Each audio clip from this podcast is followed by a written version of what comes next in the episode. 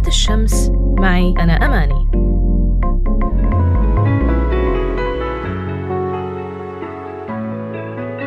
مرحبا.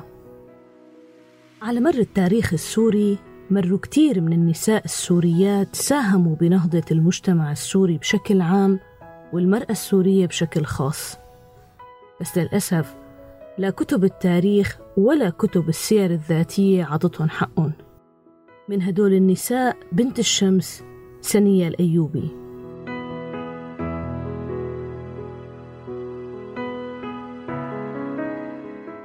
انولدت سنية الأيوبي سنة 1904 بمدينة دمشق وهي بنت عطا بيك الأيوبي وزوجة وجيه بيك الأيوبي.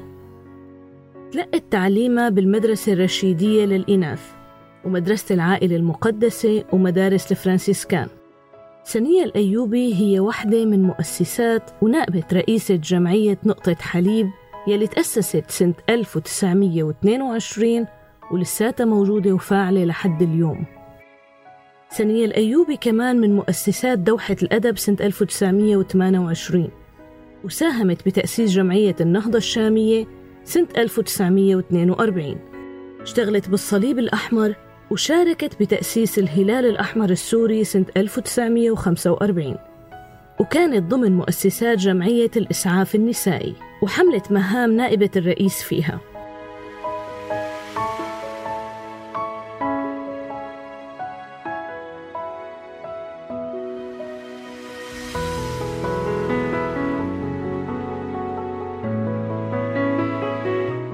كمان انتسبت لجمعية تحرير فلسطين وتسلمت إدارة ملجأ الأطفال الفلسطينيين أو روضة أطفال فلسطين.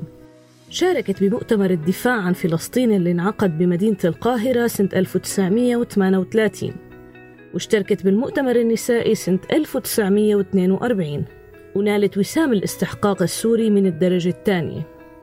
من أبرز مواقف سنية الأيوبي صوت المطالب بإعطاء المرأة السورية كامل حقوقها السياسية سنة 1949 سنية الأيوبي هي نموذج مشرف من بنات الشمس السوريات. إذا بتعرفوا أكثر عنها وعن حياتها شاركونا واحكولنا. لنوثق مع بعض اسم وإنجازات هالسيدة العظيمة.